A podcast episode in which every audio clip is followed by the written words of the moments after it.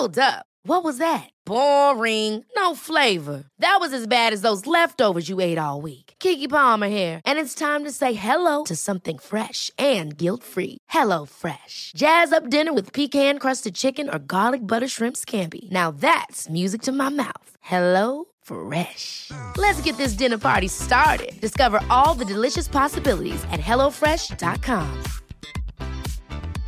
Ryan Reynolds here from Mint Mobile. With the price of just about everything going up during inflation, we thought we'd bring our prices down.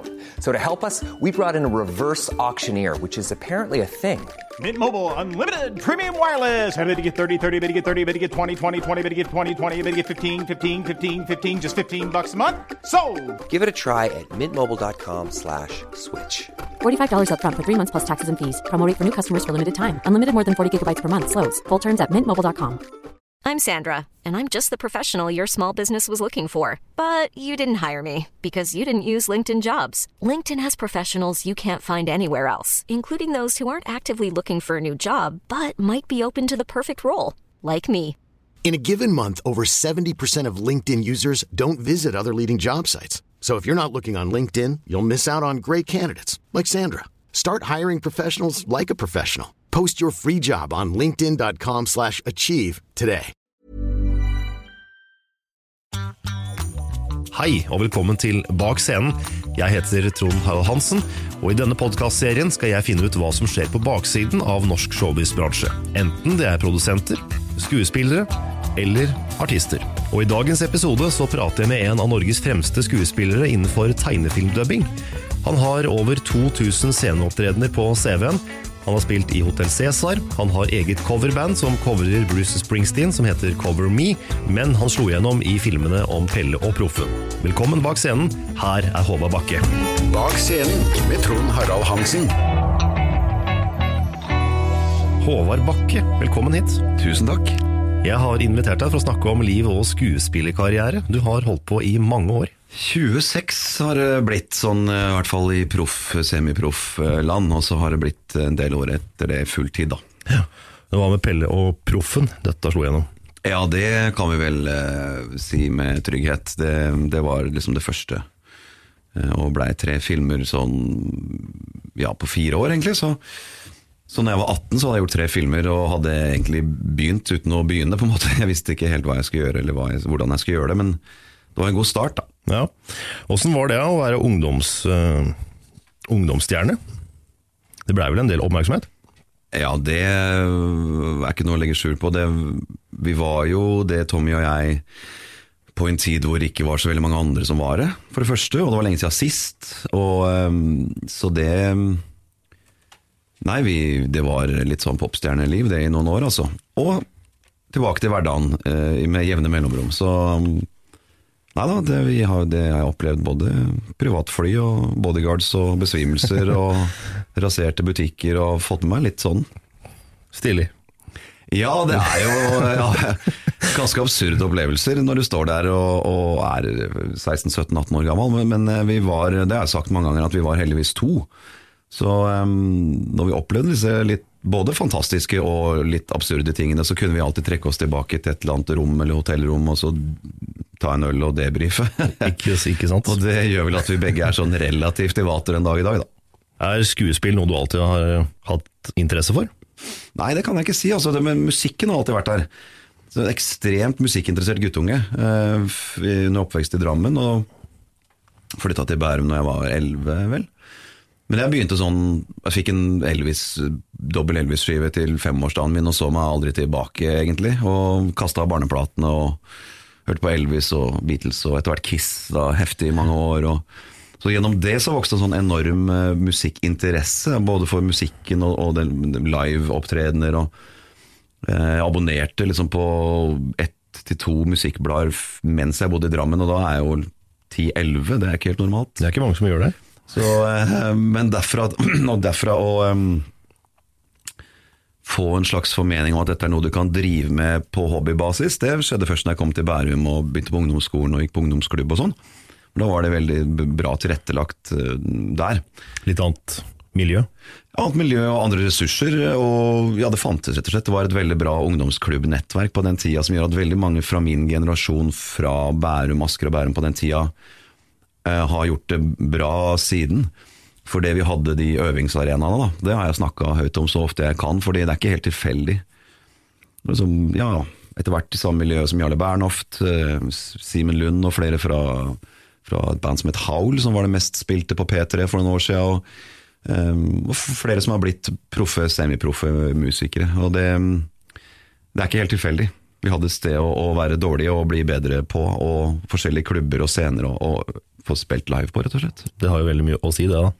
Ja, nå er det borte, pluss-minus. Altså Miljøet fins, og rundt Musikkflekken i Sandvika så fremdeles er min hjemmebane, og, og som jeg gjerne spiller på så ofte jeg kan. men og bandmiljøet lever der nå, men, men den, den, kommunale støtten som var på den tida der, og de, den pengesekken der, er borte. Og sånt nå er jo veldig synd, for det kan jo være med å sette en liten stopper for, for utviklinga av, av nye spirer. Ja, det jeg kan med hånd på hjertet si at hvis ikke jeg hadde møtt den muligheten der og det nettverket der og de folka der, så hadde jo ikke jeg hadde ikke jeg drevet med det jeg driver med i dag, det er jeg ganske sikker på. For det, det handler om mestringsfølelse og å finne liksom, sitt kall her i livet, på ja. mange måter.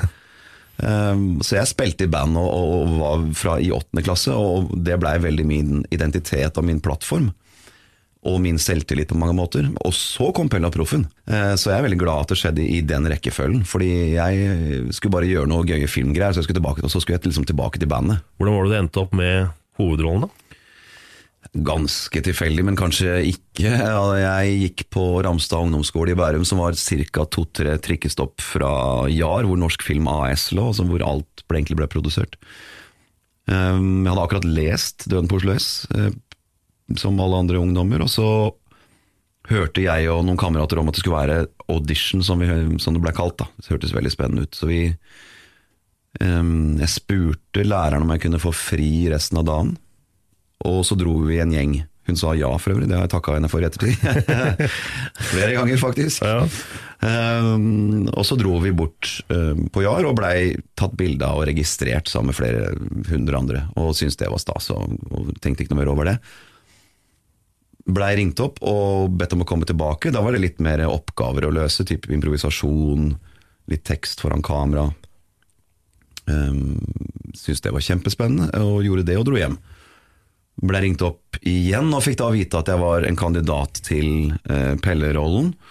Og om jeg kunne komme inn da og spille mot kandidater til Proffen og Lena-rollene.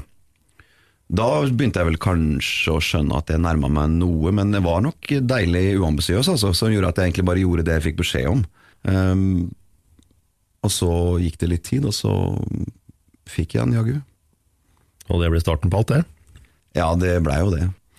Jeg har jo en CV her som er uh, lang. Du har gjort utrolig mye. Um, og tegnefilm, det gikk du kjapt over på. Ja, det var jo en situasjon hvor jeg var 18 og hadde gjort tre filmer, og finne ut at dette vil jeg kanskje gjøre noe mer av og gjøre mer med, men uh, vi ble jo på ingen måte nedringt av den grunn. Altså, det blei dørgende stille, så jeg fortsatte å spille i band og tok siviltjeneste og flytta sammen med samboer og blei etter hvert pappa da jeg var 21 og gjorde liksom sånne ting. Hadde streite jobber, for å si det sånn, mm. i noen år, på halve stillinger. Um, så dukka tegnefilm opp som en mulighet hvor jeg fikk gjøre en audition på en film jeg ikke fikk, Aladdin. Og, men gjennom det så fikk jeg min første animasjonsfilm som heter Den utrolige reisen. Som vel er en live action med et par bikkjer og en katt, som er en ganske sjarmerende sak. Og gjennom det så begynte det å balle litt på seg, for det var ikke så mange på min alder som hadde skuespillertrening og, og var musikalsk nok til å fikse dubbinga, som på den tida handla om at du måtte treffe dønn på merket. Det var ikke eh, Pro Tools og klipp og lim og sånn som vi har i dag, hvor du kan strekke og tøye og tilpasse. Du måtte rett og slett treffe det. Spot on med en gang. Ja, spot on, og det, det var jo en øvelse som ikke alle beherska. Så jeg fikk eh, plutselig veldig mye jobb. Så det holdt både store filmer og, og masse samlebåndsserier som gikk på all verdens eh, kanaler. Så det, det smørte og holdt mine mm, frilanshjul i gang i ganske mange år. Um, inntil jeg satte meg ned og sendte ut et brev og et portrettbilde og min tynne CV til alt som kunne krype og gå av produsenter i Norge, og castere og regissører og alt. Jeg tror jeg sendte ut 250 brev. jeg. For jeg kjente at jeg vil dette nå. Jeg, begynner å få fot. Jeg, kjenner at jeg begynner å få det til. Jeg vil mer. Um, men ingen ringte. Eh, og så begynte det å dryppe litt. Da kom det sånn Politimann 2 og Mann med bart og sånne, sånne roller. Og så fikk jeg etter hvert Offshore på NRK, som vel var en av de første dramaseriene eller såpeseriene. Og den holdt jeg på med i nesten halvannet år, og det var så omfattende. I tillegg til dubbinga og musikken, da, da turte jeg å, og slippe meg ut på å bli frilanser på heltid. Men den prosessen med å legge på ny stemme på, på tegnefilm i dag kontra i 1993, hva er, hva er liksom de helt store forskjellene der? Ja, det, Nå høres jeg jo 100 år gammel ut, men det er jo Det er ikke mer enn 23 år, men, Nei, det altså, men det er jaggu men tid har gått fort. Det er natt og dag, altså. Um, jeg husker når de fikk den første digitale opptakeren hvor det gikk an å flytte noe som helst, hvor du kunne nudge en, rep, en, en, en replikk to-tre frames bakover eller forover. Det var liksom eureka. altså Var det mulig? Det kunne hvem som helst drive med det. liksom. Um, det gjorde innspillingsprosessen mye, mye lettere. I dag så har man jo alle muligheter, som sagt. og det det åpner jo også for at man kan få inn Jeg har også hatt mye regi på tegnefilm etter at jeg har dubba mye, og sjøl erfart at man kan ha inn gamle helter, folk man bare syns er helt perfekte i rollen, uten at de nødvendigvis har den teknikken helt inne. Mange var helt ekskludert fra dubbing pga. at det var så vanskelig. Nå kan du få inn folk og la dem gjøre greia si, pluss minus, og så klipper det til mer. Ikke sant? Eh, det åpner jo for breiere casting, eh, og litt mindre rent håndverk, kan du si, da, på ja. gamlemåten. For uh, før så var dette på omtrent spolebånd? Det var på spolebånd, ja. Mm. ja. Og det jo, hadde jo sine begrensninger. Du kunne godt ta oppå og oppå og oppå, men du, det måtte sitte, ja. Stilig. ja, vi gjorde 'Løvenes konge' og sånn på spolebånd. Uh, og ja, flere av de svære. Sånn det skal gjøres. Håndverk. Ja, det, var, det, er jo det på et vis. Og det er jo det med dubbing. Altså, er det, det er mye dubbing som er drit, men, men det er smør på brødet òg. Men eh, bra filmer og bra animasjon er fremdeles like moro som det var den gangen da. Men eh, ja, det, det, er eh, det er en sånn timingtrening som, som, har vært helt uvurderlig for meg. Da, for det, Du står alene i et studio med øreklokker og ser på en skjerm med en tidskode, med et manus foran deg med de samme tidskodene, og så handler det om å treffe og finne gruven i en samtale du egentlig fører aleine. ja, for det her er en samtale du har aleine, det er ikke noe du gjør og fremfører sammen med andre. Jeg har dubba mange tusen timer og har ennå til gode å stå sammen med noen i et studio, ja. Så det, det er øvelsen der du spiller mot den engelske motspilleren på mange måter. Og, så, og etter hvert som jeg hadde regi, så, så må jeg ha en idé om hvordan dette skal låte, og få disse skuespillerne til å spille på en måte som det høres ut som om de snakker sammen når det blir klippet sammen. Det er liksom nøkkelen her, da. Det høres ikke enkelt ut. Nei, det er et, det er et fag, for, rett og slett. Det er det, altså. Og på bra ting, så hvis du ser, hører Åsleik Engmark, eller hører liksom de skikkelig, skikkelig gode Husk at når man spiller skuespill, så lener man seg på stemmebruken sin, på sin egen timing, sitt eget um, kroppsspråk, sin egen mimikk. Gjennom det så lager du troverdig skuespill. Her er du frarøvet alt det, for det er lagt. Det er bestemt hva du skal si, hvor fort du skal si det, hvor mange stavelser du skal bruke, hvor vokalene og hvilke vokaler skal ligge, og så skal du få det til å leve innenfor de ganske tighte rammene. Det er en kunst, faktisk. Så når du ser en norsk versjon som det svinger av, så er det ganske godt gjort. Da er det mye arbeid bak. Ja. Det kjedeligste du har laga av tegnefilm, hva er det? Åh, husker, ja, husker du det? Fortrengt. Men eh, altså, jobb er en jobb er en jobb, men det er, sant, det er mye sånne hånd, venstrehåndsarbeidsserier som bare skulle spys ut på Fox Kids og Disney Channel og hva det nå skal være. Altså. Jeg har gjort mine, min skjerv av monstre i Spiderman, og ja, det, er ikke, det, er ikke, det er ikke det som får blod til å bruse, for å si det sånn. Nei. Jeg syns eh, for øvrig livet med Louis var jævla kul. Ja, Det er en av de fine seriene igjen, og den da, som folk nevner innimellom. Det var også Fox Kids og definitivt mange av disse seriene som, som, var bra og vel verdt å se, og så var det en hel del av dem som, som kanskje ikke var det. mm. Du nevnte jo at du hadde gjort en del eh, regi på tegnefilm også? Ja, det blei en sånn naturlig videre, videre, ja, en videre gang i det å ha dubba mye og blitt brukt mye på dubbing, og, og etter hvert få mye erfaring i det som ganske ung så, så dukka det opp som et tema, og, og så blei det noe jeg gjorde veldig mye i løpet av en to-tre-fireårsperiode. Så jeg tror jeg tror jeg har gjort 13 eller 14 filmer. jeg, som er- og med regi så betyr det betyr uh, i prinsippet å ha ansvaret for den norske versjonen. Det handler om å få budsjettet, det handler, om å kaste skuespillere. Sende stemmeprøver til Disney eller Dreamworks eller de som har laget filmen. Og, og få de til å bestemme mm, skuespillerne i rollene. Og så ha én og én skuespiller i studio og ha dialoginstruksjon med de. eh, Og få dette til å svinge. Så det, det gjorde jeg mye på en tid hvor det var ganske bra med budsjetter, og man kunne være litt kreativ og caste litt kreativt. Så jeg er litt stolt av det. I hvert fall flere av de. Jeg, det er jeg som lagde første Shrek-filmen. Jeg lagde den første Istid-filmen. Oppdrag Nemo. Eh, Så det er ganske bra. Jeg er ganske stolt av den CV-en der. Og så ga jeg meg på et tidspunkt, for da begynte alle budsjettene bare å skrumpe sakte, men sikkert inn, og da ble det mindre og mindre moro også. Så, og da slutta det på en måte Jeg kunne aldri ha kasta Trond-Viggo nå med de budsjettene, men det kunne jeg på Nemo da. Jeg kunne ikke ha kasta Thomas Giertsen nå, men det kunne jeg da på Shrek med de budsjettene. Så på et tidspunkt så Eller Dagfinn Lyngbø, for den saks skyld. Så på det tidspunktet så, så var det innmari gøy, og man kunne prøve å feile og, og, og spille ball og leke med, med skuespillerne i studio. Fordi det var rom for det, det er det ikke lenger, og da kan de gjøre det uten meg.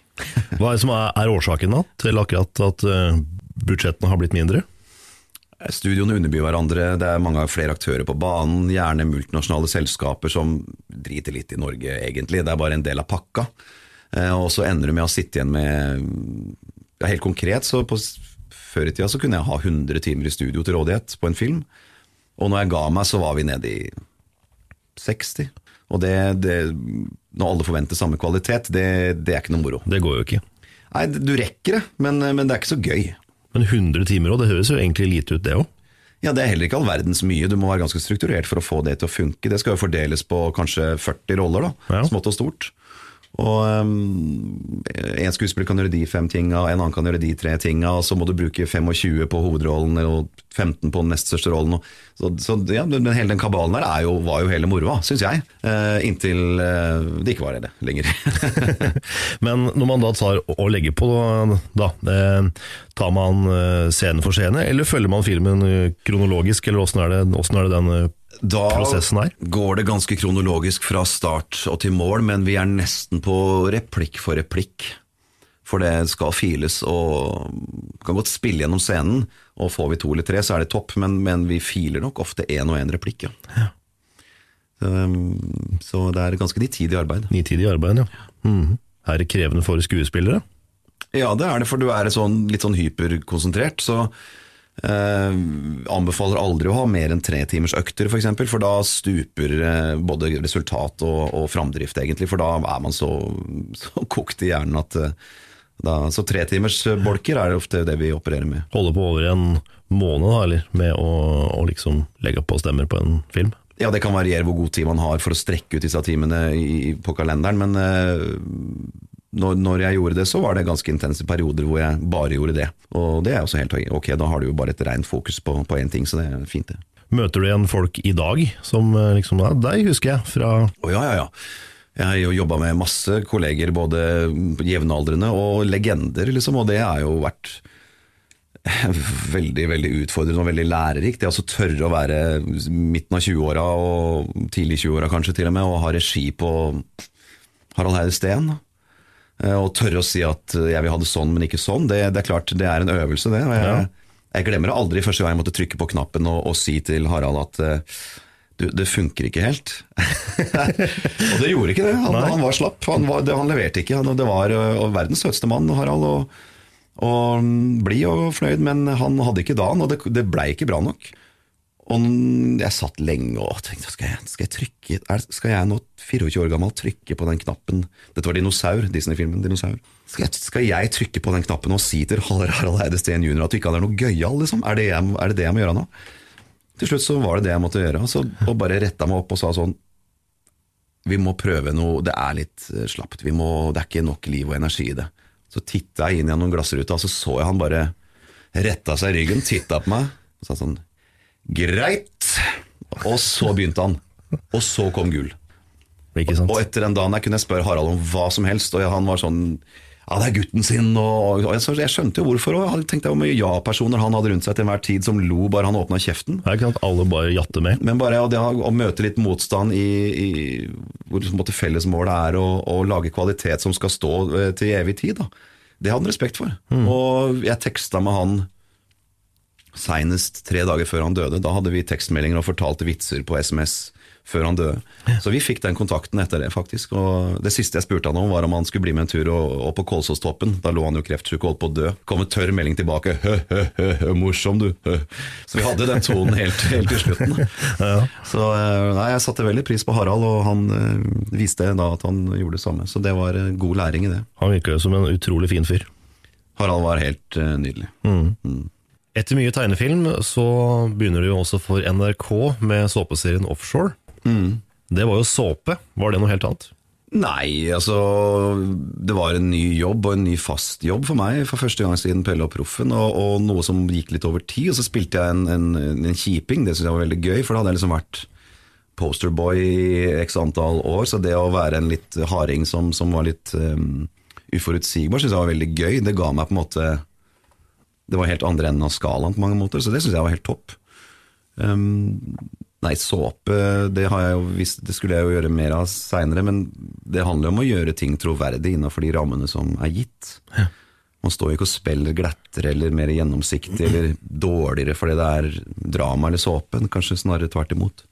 Det er vel kanskje sånn at um, såpefans, hvis det er noe som heter det, er mer, det er det definitivt. er mer fans enn en, uh, enn andre fans da, av en serie.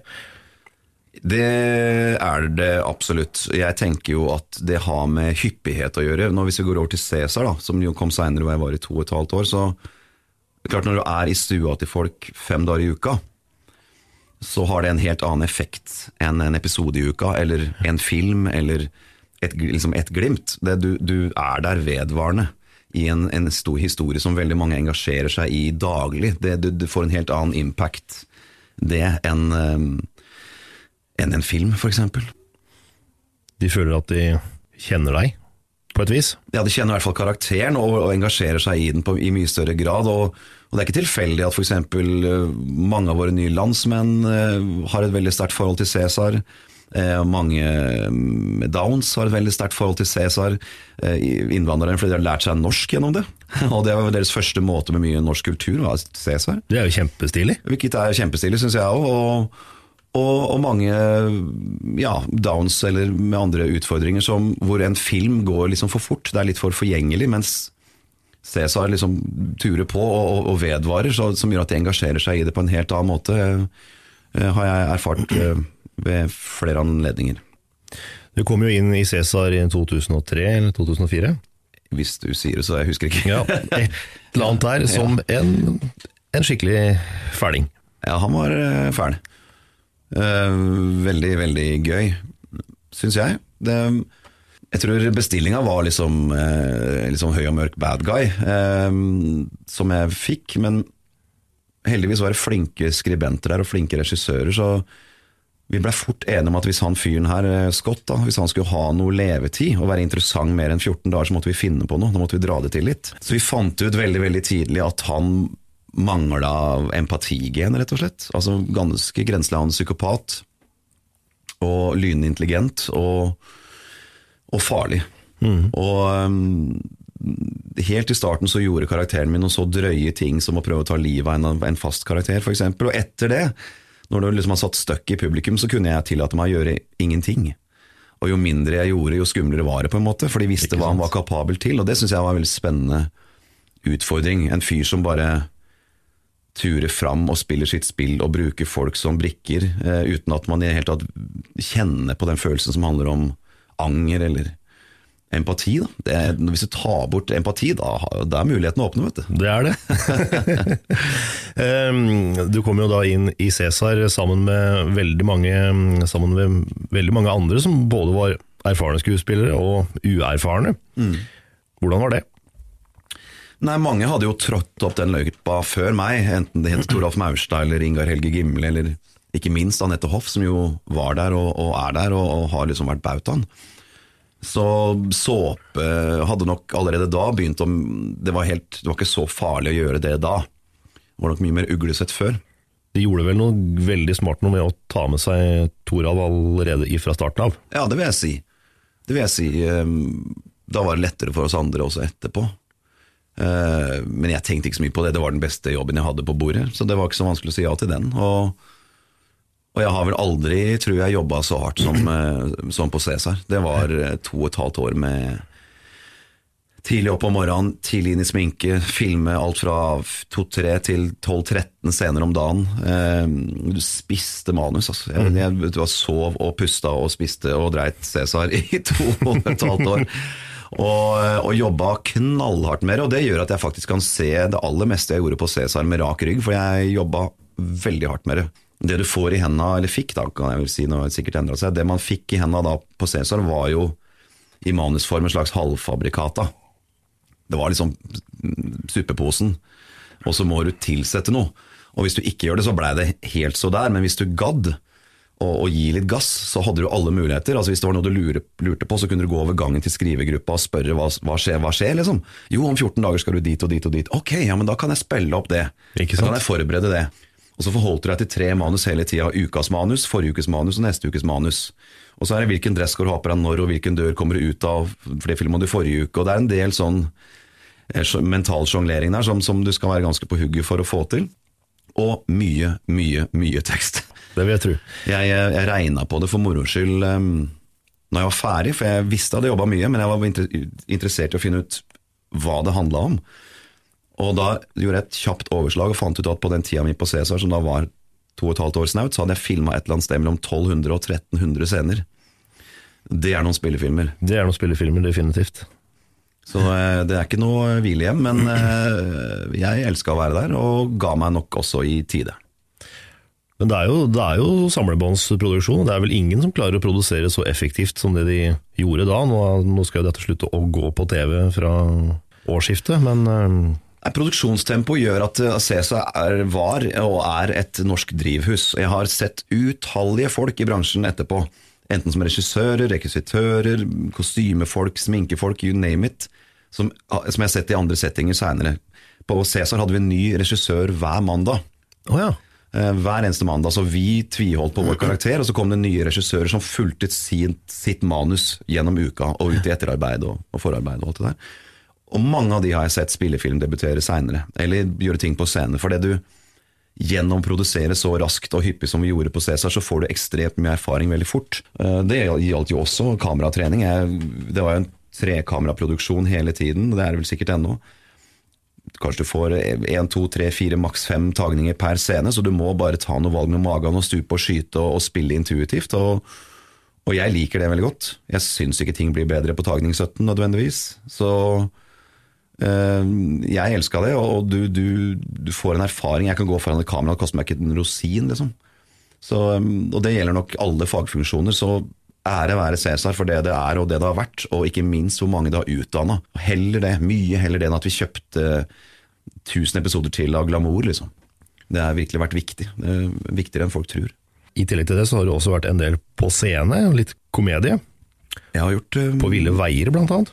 Ja, det var debuten min eh, i 2000 på Chateau Neuf.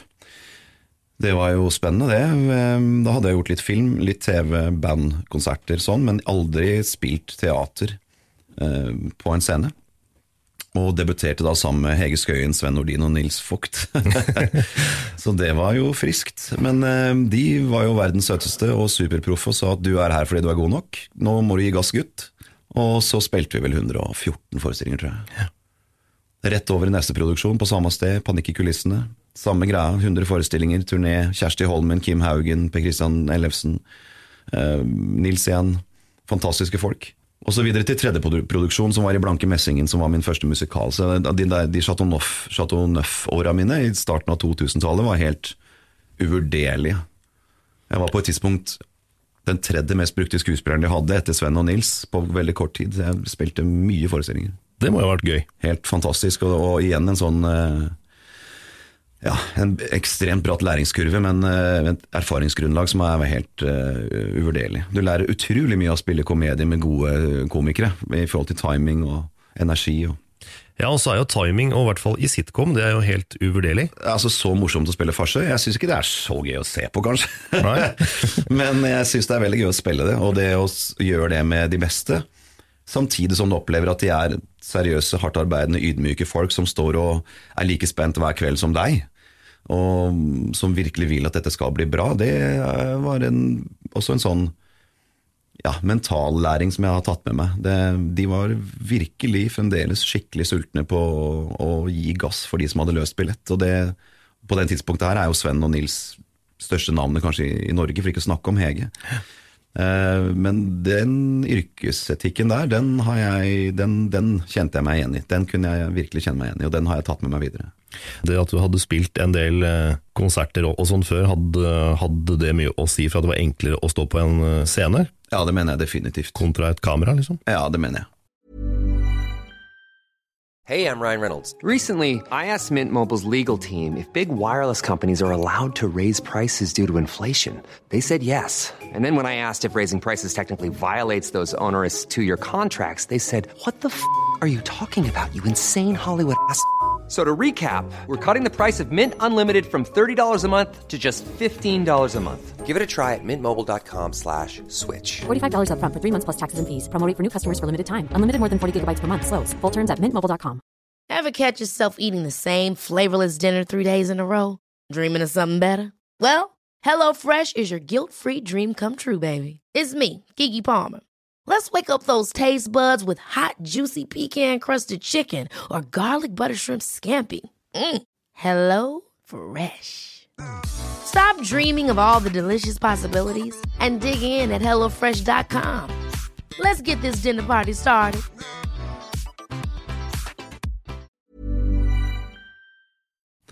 Um, forskjellen er jo litt sånn formatet. Du må spille litt større for flere folk og nå mer ut. Og så er det det at det er, det er der og da, da. Det er liksom her og nå-opplevelsen. Og det, det gjør jo teatret veldig spennende. At det er Du er her i kveld, du har løst billett, du har satt av kvelden, vi står her for å gjøre det akkurat nå, og dette skjer aldri igjen på akkurat samme måte.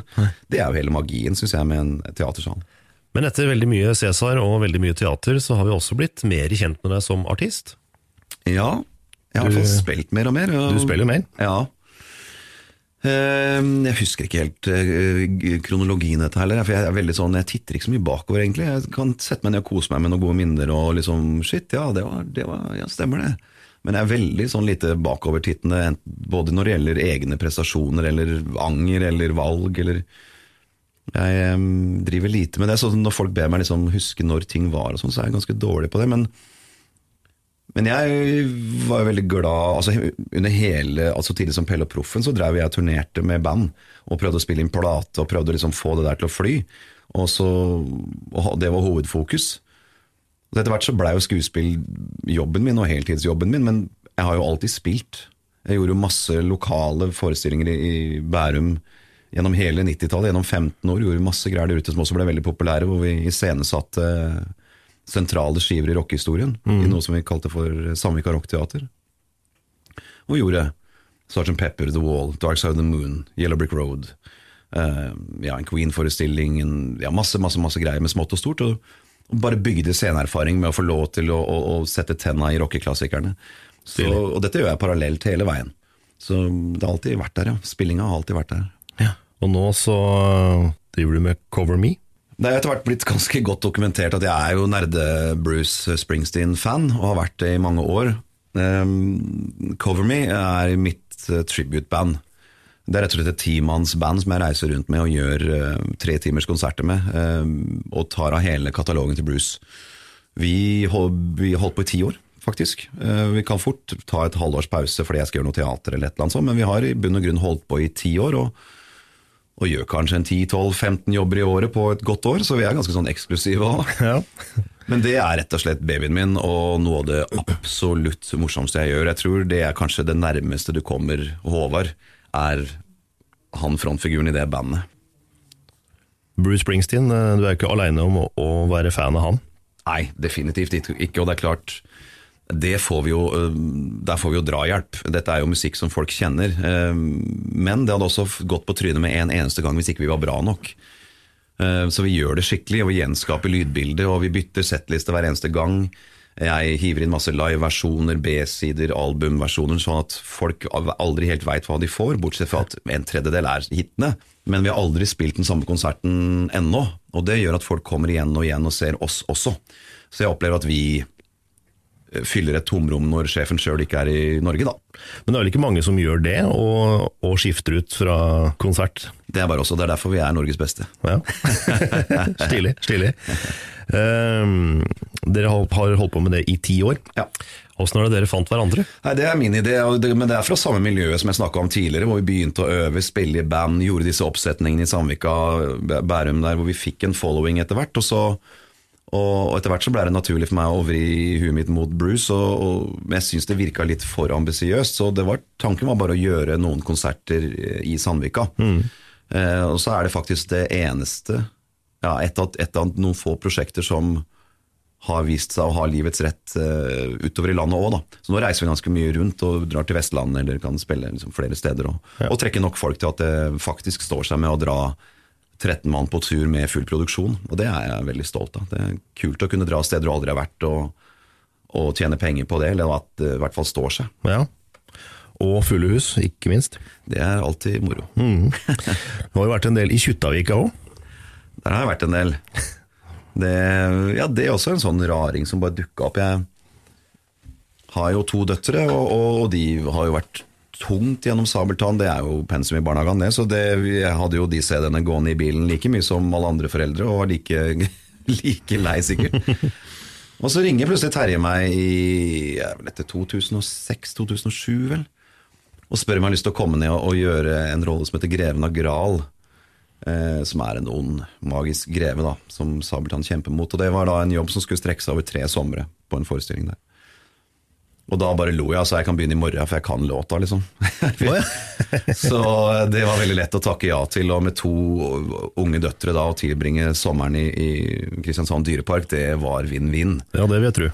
Så, så da begynte jeg med det, og så gjorde jeg det i tre år, og familien var med, og vi bodde der. Og, og så tenkte jeg at det er vel det. Så viser det seg at NRK og SF skal lage en TV-serie for NRK Super i 2010, altså året etterpå, og vil forynge casten litt til å ha en litt nyere cast. Og jeg blir bedt om å komme på, på prøve eh, som Langemann, hvilket for meg var veldig veldig pussig, for da hadde jeg spilt mot Audun Meling tre somre på rad, og det var litt sånn litt svett, rett og slett. Men jeg gjorde nå det, og etter hvert så, så um, fikk jeg den rollen, gjorde TV-serien. Um, og etter det tok over Langemann på scenen og har gjort han i x antall år. Inntil jeg i, i år, ja, i, plutselig møtte meg sjøl i døra, for da skulle vi spille Greven av Gral-forestillingen igjen. jeg kunne nødvendigvis ikke spille begge, så da fikk jeg faktisk valget fra Terje om hvem jeg ville spille da i sommer og, og neste sommer, og da hadde jeg lyst til å gå tilbake til Greven fordi det rett og slett er litt mer utfordrende i akkurat den forestillingen der. Så det er står opp her nå, at jeg er på min åttende eller niende sesong der nede og gjør Greven til sommeren også, og så veit jeg ikke ennå. Det er, det er en fortløpende vurdering, det der å skal Hvis vi er der i seks, syv, åtte uker, og det skal liksom funke for alle involverte i familien og sånn, så, så den vurderinga tror jeg vi tar etter neste sommer. Eh, Men det er verdens beste sommerjobb. Men det tar også hele sommeren, så det må liksom, man må kjenne på det for hvert år som går, tenker jeg. Er det en mer omfattende produksjon enn eh, nå enn det var før, eller er det Ja, ja, det vokser. Det er jo blitt enormt. Det, bare fra år til år så, så er det noe som er større eller bedre eller, eller mer spektakulært. Og det, det er det inspirerende ved å jobbe for Terje Formoe eh, og Bjørn Sæther som har regi, eh, fordi det, det er aldri noe hviling på laurbærene, da. Selv om man med, med god grunn kunne gjøre det nå, så skal vi alltid videre. Det skal alltid bli bedre enn sist, og det syns jeg er inspirerende. Og det, det er et ansvar når du kommer ned dit, og vi spiller for over 60 000 mennesker på en sommer. Med unger og familier som har reist land og strand rundt og brukt hele feriebudsjettet sitt på å komme for å se oss og bo i Abrahavn og ha den opplevelsen. Det er et ansvar som man skal ta på alvor, og det gjør vi. Og det er så kult med den gjengen at vi, vi skjønner hva det er. da. Vi møter unger, vi møter syke barn, vi møter dødssyke barn, vi møter barn med downs, vi møter konkurransevinnere. Vi, vi har mye sånn én-til-én-interaksjon med, med dem også, og, og er vårt ansvar bevisst. Det er jobben vår, det er sommerjobben vår, det er kollegene våre, vi kan feste og ha det moro, vi kan tøyse på, i garderoben, men idet vi drar på oss kostyme, så er vi ikoniske figurer, og det skal bare ikke tulles med, da. Er dere samme gjengen hvert eneste år, eller flere år på rad, eller skiftes det ut, eller åssen er det? Det, avheng, nei, det er veldig, etter hvert en veldig, veldig fast stamme, og så har det eh, gjennom åra blitt litt, eh, litt generasjonsskifte, kanskje naturlig nok. eh, Og så, men det er, det er en veldig fast kjerne, og så vil, nå er det vel fire forestillinger vi alternerer på, og spiller to og to år av gangen, altså det er sånn åtteårsforløp nå. Ehm, Det betyr at når vi har kommet gjennom de åtte årene, så er det bare å snu bunken strengt tatt, for da har vi jo bytta ut hele kundegruppen, kan Ja. vi begynne på'n igjen. Ehm, og, og hvert stykke har på en måte sin hovedskurk og, og, og litt sånn spesielle karakterer som krever ja, forskjellige skuespillere, men, men utover det så, så, så er det en ganske stabil eh, kjerne, ja. Hva er det med Kaptein Sabeltann, som er så ja. Det er et veldig godt spørsmål. Det, mm, Alle liker jo det.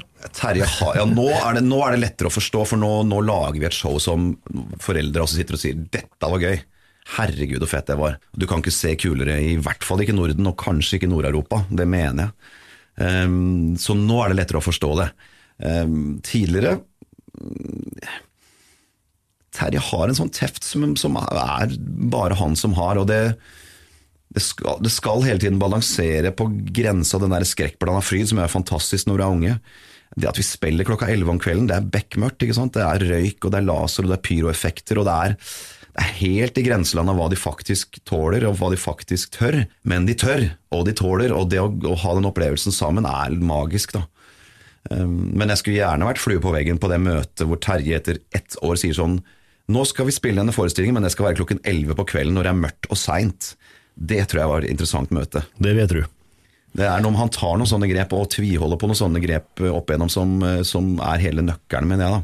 Jeg var jo og så på forestillingen der sjøl. Det var i 96. Da var jeg sju år og eh, ganske trøtt og sliten etter å ha vært i Dyreparken en hel dag. Forestillinga begynner 11. Jeg holder på å sovne. Mor og far prøver å få liv i meg, og jeg sier bare 'det kommer sikkert på video'. Jeg tror det var et uh, lite imponerende Ja, det gjorde jo det, gjorde jo det for seg da, da. Det kom jo på video, og det gjør vi jo ikke lenger, dessverre. Vi, nå har, da er vi ferdig med å filme teaterstykker. Nå vil Terje jobbe med andre formater, tror jeg. Og det, det er vel også greit, men, eh, men nei da, det er vi har og ja, ja vi, har, eh, vi har jo spilt for mange, mange, mange, mange tusen mennesker. og um, vi har hatt grining og sovning og alt mulig rart har vi sett etter hvert. Du kan tenke deg Terje nå til sommeren, så runder Terje Formoe og Sabeltann 1,5 millioner solgte teaterbilletter. Det er jo helt vanvittig, og det kommer aldri til å bli slått i Norge. Og det å få lov til å være med på den reisa der, eh, som jo er helt historisk, syns jeg er skikkelig stas. Å ha en bit av den kaka der. Det, jeg syns det, altså. 1,5 millioner, da. Det Ja, er tygg, tygg litt på den, for Ja. den, den, det er, det er den Hvem i all verden skal ta det, liksom? Det er så svært. Det er jo ingen, det. Nei, det er ingen, og det, det må bli et nytt sånn konsept da, neste 25 åra, liksom. Men, men det er eh, helt ubegripelig. Og det og en ting er at det er forferdelig moro å spille de forestillingene, med alt, alle effekter og alt. altså Vi vet at vi blåser bakoversveis på både unger og familier nå, så det er veldig gøy. Um, men tenk, en ting som jeg syns snakkes veldig lite om, er Tenk hvor mange unger vi har spilt for som får sin første teateropplevelse i Kjuttaviga. Og når det er den første teateropplevelsen, så er du ganske hypp på mer. Det vil jeg tro. Og drar hjem til byen du kommer fra og oppsøker barneteater eller, eller nasjonalteater for den saks skyld, og ser mer teater. Det syns jeg Terje og Sabeltann har fått altfor lite kreditt for. Nå så har du akkurat eh, gjort deg ferdig med Stjernekamp i det vi spiller inn dette her, i begynnelsen av november. Ja, Det var vel også gøy? ja det var gøy. Jeg er litt sånn Jeg har ennå ikke helt kommet meg over det. For det, det, er, det er litt som, som å akkurat ha satt foten utafor berg-og-dal-banevogna, hvis du skjønner. Jeg har ikke helt fått tatt inn eh, det hele. Det var jo en prosess som varte for min del nesten tre måneder, da, med forarbeid og, og øvinger, og så da inn i, i livesendingene. Så Nei, det, var- det blei mer av alt, altså. Eh, Jeg tenkte at dette blir gøy, og det blir hyggelig, og det blir spennende og utfordrende. Og så fikk jeg jo være med så lenge at jeg endte opp i semifinalen og kom på en tredjeplass, som jeg er ekstremt fornøyd med. Og det innebærer tolv liveopptredener på, på TV. Og jeg har egentlig bare fortsatt å, å, å møte det på den måten jeg møter all jobb, eller enhver konsert. Eller, men det å oppleve at for det første at det funker, og at folk vil ha det. Og for et så stort publikum, det har vært ekstremt tilfredsstillende. Og som du skjønner når vi prater her, jeg har et veldig avslappa forhold til det være seg Pelle og Proffen eller Simba eller Langemann eller Cæsar eller you name it. Hvis du er heldig nok til å bli huska for noe, så skal du jaggu ikke klage på hva det er. det får bli opp til enhver, og det, det, er helt fint. Men jeg er også blitt 42 år gammel og har jobba i 26 år og har denne CV-en som du refererte til, som er ganske lang. Nærmer meg 2000 sceneopptredener sikkert. Um, og det å få lov til å stå der og vise voksen mann med erfaring og bredde for et så stort publikum over så lang tid, og oppleve at det treffer planken og blink, det må jeg jo si har vært ekstremt personlig tilfredsstillende. Jeg kan ikke si noe annet. Jeg var eh, veldig overraska når du gikk på og sang Avicii. Ja, det var jeg òg. det, også, sånn, det hjelper også å være musikkinteressert. Mm. Og, og, låtvalg er mye av nøkkelen, mener jeg, på, på Stjernekamp kanskje spesielt. Og det Ingenting der var tilfeldig, da. Den låtlista hadde jeg klar lenge før sommeren. Oh, ja. Eh, par av tinga var forslag fra produksjonen. De var veldig gode, f.eks. opera eller country, og jeg gjorde Justin Timberlake. Eh, men ellers så var det mine gjennomarbeida, gjennomtenkte forslag som gjorde at jeg hadde hele tiden ting å glede meg til. Hele tiden ting jeg hadde tro på at jeg kunne komme til å gjøre bra. Eh, på et eller annet nivå. Og så innebar uka å jobbe seg fram til mestringsfølelse og til noe som virkelig kunne se bra ut eller høres bra ut på lørdag kveld. Um, men, men um, sånn må jeg jobbe, for da har jeg det med meg i magen, og da kan jeg gi gass. Hvis du skal prøve å sette ord på, på selve forberedelsesdelen, da, fra dere starter planlegging til dere er på for aller første gang, hva er det som, er det som skjer da? Nei, vi møttes første gang på et pressetreff, og det er jo litt sånn uh, første skoledag-følelse. Litt sånn leirskoleaktig. Mm. og så, uh, Det var jo enda litt tidligere. Og da alle er litt sånn veldig åpne og litt bjuda på, for alle er jo i samme båt. Og Så møttes vi igjen til et sånn type seminar, gikk gjennom så litt, prata gjennom både presseting og selve liveopptreden og gangen i sendinga, med sånn praktiske ting eh, som var veldig nyttig. Så litt gamle opptak, eh, mente noe om det, diskuterte det, snakka om sosiale medier, snakka litt om generell opptreden når man er i det fokuset. Og så begynte vi med en uke hvor vi lagde egentlig hele første programmet som en pilot, som ingen ser eller fikk se. Og så, for å få bare gjort den live-biten en gang ordentlig Generalprøve, Ja, det, det, kan du si. General-generalprøve. Og så kom første uke som funka sånn som de resterende ukene kom til å være. Da. Og da eh, Da var vi i gang. Og da var det bare å prøve å henge med uke fra uke og prøve å mestre i større og større grad. Og det merka jeg jo etter hvert som ukene gikk, at, at, alle de hindringene, kan du kalle det, det at du skal prestere på 2.30 Eh, du kan ikke ta deg igjen på neste låt, du kan ikke ta deg igjen i løpet av et teaterstykke. Du, det må bare treffe planken. Kanskje han eller henne foran deg har vært dødsbra, kanskje publikum har hylt av glede der ute rett for vedkommende, rett før du skal på.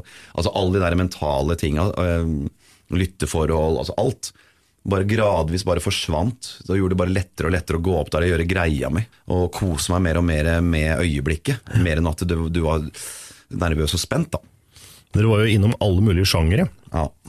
Var det noe som var eh, enklere eller mer utfordrende enn andre? Ja, jeg har jo altså jeg, Med min bandbakgrunn det er klart Når vi gjør punk, og jeg kan dra på meg gitaren og gjøre London Calling, eller gå fram og gjøre Let's Dance med David Bowie, eller synge DumDum Boys, eller eh, da, da, har jeg det veldig bra. Det er ting jeg er glad i, og ting jeg har, en, eh, har tru på. Men det er klart når vi skal ut i Klassikeren er jo hiphop og opera, som jo er sånn Det er helt det er så fjernt fra hva vi driver med, og teknisk ekstremt krevende. Så er jo det vanskelig, og da kaver jo i mørten lenge. Men jeg syns også det er vanskelig å gå inn i si gospel eller eh, Motown, mm. eh, som er sjanger jeg ikke er så glad i, eller har så fot for, eller syns jeg har en plass i det å finne din greie i det, og blande deg med sjanger og finne noe der, det syns jeg kanskje er vanskelig, fordi man, man har ikke referansepunktene. Ikke sant? Man er redd for å drite ut sjangeren, eller drite ut seg sjøl, eller at det blir karneval og fjas. da. I sjangere som man, mange folk har et forhold til. Så, så det syns jeg var sånn Ja, det syns jeg kunne være litt vanskelig. Apropos det, det gjorde jo Olivars og Kalle med fela. Var det litt ærefrykt å gjøre det dansebandsjangeren er jo en, en sjanger som er veldig lett offer for å køddes med. Ja, det er, det er et godt poeng, da, da fordi danseband er så stort i Norge. Og hadde si, hitlistene vært ærlige, så hadde de ligget på toppen hele tida. Eh, og vi må jåle oss ned i forhold til de greiene der. Det, og jeg kan relatere meg veldig lett til danseband. Har jeg mange steder i hylla? Nei, det har jeg ikke. Men dette er hardt arbeidende spellemenn som drar ut hver eneste helg og spiller for å gjøre folk glad. Mm. Det kan jeg relatere meg til. Veldig, faktisk. Så det å ta på meg en kassegitar og gjøre Kalle med fela, eh, som i tillegg er en knakende god låt, syns jeg, eh, det syns jeg bare var gøy. Og, så det var sånn De ukene der hvor vi hadde to og to sjangere, så var det stort sett alltid sånn én jeg gleda meg til, og én som var jobben. Eh, på dansebanen EDM så var det Ole Ivar som var moro, og EDM som var jobben. Ja. Avicii, som du nevnte da. Men det ble fint, det òg. Jeg var happy med det òg. Ja, det blei veldig bra, det. Det var litt mer jobb, da. det vil jeg tro. Uh, var jo for øvrig på, på Kiel-ferie her i helga som var, og der spilte jo Ole Ivars og Picasso. Ja, ja. De spilte jo hver dag, spilte to timer hver hver dag. Ja. Så det er jo relativt hardtarbeidende folk. Du, og det, altså Bare antall jobber i året. Snakka med Rune da, Rude Rudberg, som var coachen vår, og han eh, ja, var vel oppe i 80 gigs hittil i år. Ikke sant? Og det skal ikke kimse av det. det. De står på, altså. Det er to hver uke, det. Det er to hver uke, og um, da, det er et yrke. Og vel så det. Og det med alt som er av både oppturer og nedturer, så nei, all ære. Jeg, jeg, jeg, møtte Tore i Ole Ivars for mange år siden utafor gamle Smuget, og det, da var han Cæsar-fan. Det var, det var, ikke så lenge etter Cæsar, så vi ble stående og røyke og drikke og ljuge hele kvelden. Og jeg har aldri ledd så mye. Han har jo så mye historie fra veien at jeg Nei, Vi hadde det så gøy at det var like før vi starta band der vi sto. Oh, ja. så, eh, så, det å, å, gjøre låta av dem, så hans, det syns jeg var eh, på sin plass, faktisk. Du nevnte så vidt i stad veien videre nå. Det blir Kaptein Sabeltann igjen til, eh, eller i 2017. Mm. Ned igjen til Kristiansand. Ja. ja, nå har jeg vant nå har jeg blitt vant til å være frilanser, og, og, og, blitt vant til eh, at jeg ikke alltid vet hva som skjer, men at det går bra. Og Å komme dit har jo vært et mål, og, og der har jeg vært en stund. Eh, det er stabilt, og jeg forsørger familien og, vel så det, så dette har liksom gått bra. Det handler mer om egne ambisjoner og egne ønsker innenfor de rammene. da. Eh, nå veit jeg faktisk hva jeg skal gjøre nesten ut neste år, og det kan jeg ikke huske sist jeg visste. Eh, så det er Sabeltann til sommeren, og så er det Le Miserable på Folketeatret til høsten, og sikkert kanskje over i 2018, eh, sånn som det seiler. Så um, på vårparten så skal jeg sitte og booker nå noen flere covermye-jobber. Så vi får spilt litt med bandet før jeg forsvinner inn i teateret igjen. Um, jeg skal på, endelig på bryllupsreise med kona mi, som vi setter av tre uker til i sånn april-mai. Det skal bli fint, det trenger vi nå. Vi har jobba knallhardt begge to. Og så er det en baby til som jeg har som jeg er veldig veldig glad i. Det er en eh, monolog jeg reiser rundt med som er skrevet av Knut Nærum. En musikalsk monolog. Det er meg og tre musikere. og det er, Den heter Willy Nelson 'Kjente mor mi'. Ja. Og er en underfundig, lun, sår og varm eh, fortelling hvor jeg står aleine og spiller en karakter i front i 90 minutter. Eh, og forteller hans historie og går ut og inn av Willy Nelsons musikk. Høres eh, pussig ut, men har vist seg å være en skatt av en forestilling, og det absolutt kuleste jeg har gjort faglig noen gang. Det var den ultimate utfordringen. Det å stå der i front, uh, mutters aleine, og forvalte det i halvannen time uten pause er en sånn får til det, så får til alt, eh, på en måte. Og dette gjorde jeg på noe som heter Teater Innlandet på Hamar, som er et fantastisk sted å, å jobbe. Og har turnert med den, og har etter hvert fått overta hele greia sjøl. Så jeg, nå har jeg hele scenografien på lager, og, og eier forestillingen og produserer den sjøl. Så den prøver jeg nå å bruke skal vi kalle det stjernekampeffekten til å få gjort mer av på vårparten. Og det er rett og slett noe så sjeldent som et knakende godt stykke teater som passer for alle. Altså Om du har sett teater én gang eller tusen ganger, det er helt knekkende likegyldig. For du, dette veit jeg, for jeg har spilt det 40 ganger nå. Mm, det omfavner alle. Det, det, omfavner, altså det, det, du, du, det, er så lav terskel. da. Uh, og det gjør meg så glad, jf. Ole Ivars. altså når Ole Ivars-musikalen på Nationaltheatret. Liksom. Altså det, det, er noe, når det, er det trenger ikke å være dårlig selv om det er folkelig. Nei, uh, og, det er noe med det. Og det samme gjelder denne forestillinga her. Så det er mitt største ønske, faktisk. At folk kommer og, og ser den Eh, I litt større grad enn tidligere, for da kan en faktisk ha et videre liv. Da. Ellers så må jeg legge ned, dessverre. Det å stå på scenen aleine, det må jo være enorm eh, forskjell når du ikke har noen å støtte deg på. Ja, og tre nydelige musikere der, som jeg, men, eh, men, men ja, nei, jeg er helt aleine, og det er ikke noe suffli. Og, og det er en ekstrem konsentrasjonsøvelse, for detter du av hesten, så er det litt kjørt. Og En ting er at jeg spiller han Nils som dette handler om, men jeg går også ut og inn av en 10-12 andre karakterer og spiller dialoger med meg sjøl og sånn, så, så rent skuespillerteknisk så er dette på en måte det, noe av det mest utfordrende jeg har gjort. Uh, definitivt. Og ditto da tilfredsstillende når man kjenner at her har vi en forestilling som eh, vi vet folk kommer til å like. Så måtte det bli mer. Eh, Jeg skal i hvert fall gjøre mitt. Og så skal du nå inn i din sjuende rolle med musikal også. Ja, det er jo kanskje noe av det rareste av det rare. Altså, En ting er at jeg skulle få den rare jobben jeg har, og, og, men, og det sier jeg ikke for å kokettere, men, men musikal så jeg ikke komme. Altså, fordi Vel har jeg bandbakgrunn, også, men det er, det er også det jeg har. Altså Min utdannelse er artium fra videregående skole. Eh, noen spe, sangtimer hist og her spredt utover, en og annen workshop som skuespiller. That's it. Jeg er så autodidakt som du kan få det, og, og har tenkt at musikaler det er noe andre driver med, og det er helt greit. Men så fikk jeg jo noen, da, og begynte, og så har jeg hatt det forferdelig moro med det, og gjort veldig morsomme karakterer, og hatt det veldig fint med i Blanke Messingen, eller i Sound of Music, eller We Will Rock You, Spamlot. Fantastiske forestillinger som jeg har hatt det veldig, veldig moro med. Um, og nå er altså Les Miserables, som er jo en sværing, og, og i den kuleste rollen nå, Javert, som er jo den besatte politimannen. Så jeg, jeg er litt sånn klyp med armen ennå. fordi, Ok, greit, jeg kan gjøre musikaler hvis det er karakterting, men Lemis og Phantom og sånn, det er noen andre som driver med. Altså, Plutselig eh, befinner jeg meg i den, og det er så utrolig kult. Og jeg er ydmyk for oppgaven og tror jeg kommer til å jobbe hardere enn noen gang.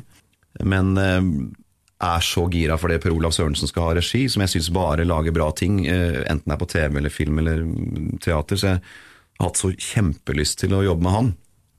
Og når han sier at vi skal lage en, en Le som ingen har sett før, en troverdig, møkkete, vond, illeluktende Lemis, da skjønner jeg litt mer av hva jeg gjør der, faktisk. For da det er viktigere for han å ha gode skuespillere som kan synge, enn folk som har perfekt vibrato på toppen av barrikadene, hvis du skjønner. Men ikke kan Men ikke spille. ja.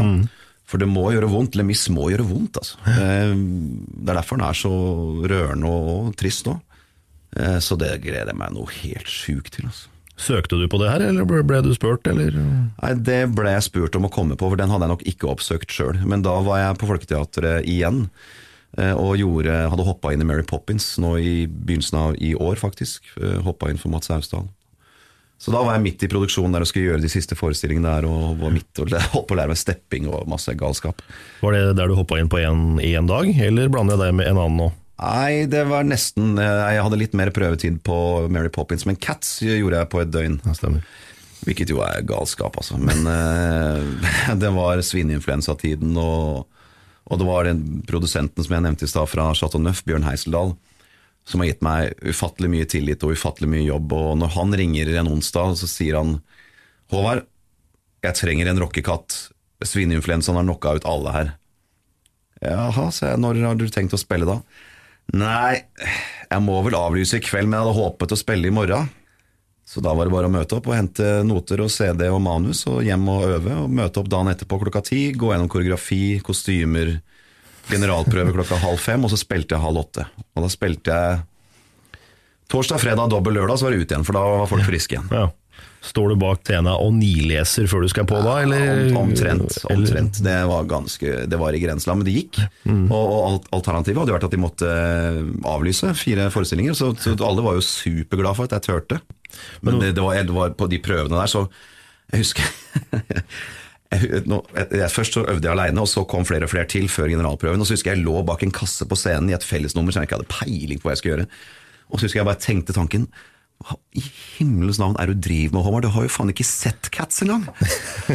Den tanken glemmer jeg aldri, men det, det var litt sånn. Men Ja. jeg kjente, kjente at jeg levde da, kan du si. Ja, det vet du. Men det var vel noe manuslesing fra Cæsar òg, som kanskje hjalp litt på at det er veldig enkelt å Ja, det, huske. det er et godt poeng, faktisk. For noe av det som jeg fikk med meg fra Cæsar, var at hjernen er en muskel. Og jeg kunne jo spise tekst til frokost på et tidspunkt. Det var bare å lese det én til to ganger, så satt det. Eh, Her var også et par sololåter jeg skulle synge og danse òg, men, eh, men, eh, men ja, det er klart det hjalp. Det er stilig, da.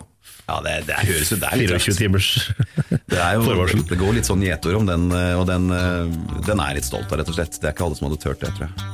Du, jeg sier tusen takk for besøket. Det har vært veldig hyggelig, og lykke til i 2017. Tusen takk. Det var min prat med Håvard Bakke. Bak scenen er tilbake igjen om én uke. Mitt navn er Trond Harald Hansen. Og om én uke, da får jeg besøk av Christian Ingebrigtsen. Og så skjedde det noe magisk. Fra linje tre i den låten og helt til sangen var slutt, så sang over 20 000 mennesker hvert eneste ord, og de kunne denne sangen. Og den var Og det var jo et fantastisk øyeblikk. Det er helt fantastisk. Ja, så det var, det var noen morsomme, magiske øyeblikk på, på turné i Asia. Du har hørt en podkast fra Radio Metro. Finn mer innhold på radiometro.no. Hey, it's Paige DeSorbo from Giggly Squad. High quality fashion without the price tag. Say hello to Quince.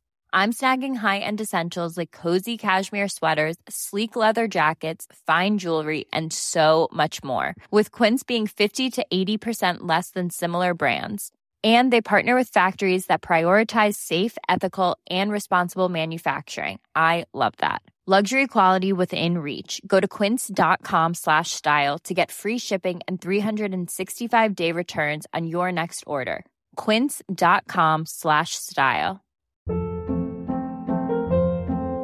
Hold up. What was that? Boring. No flavor. That was as bad as those leftovers you ate all week. Kiki Palmer here, and it's time to say hello to something fresh and guilt-free. Hello Fresh. Jazz up dinner with pecan-crusted chicken or garlic butter shrimp scampi. Now that's music to my mouth. Hello Fresh. Let's get this dinner party started. Discover all the delicious possibilities at hellofresh.com.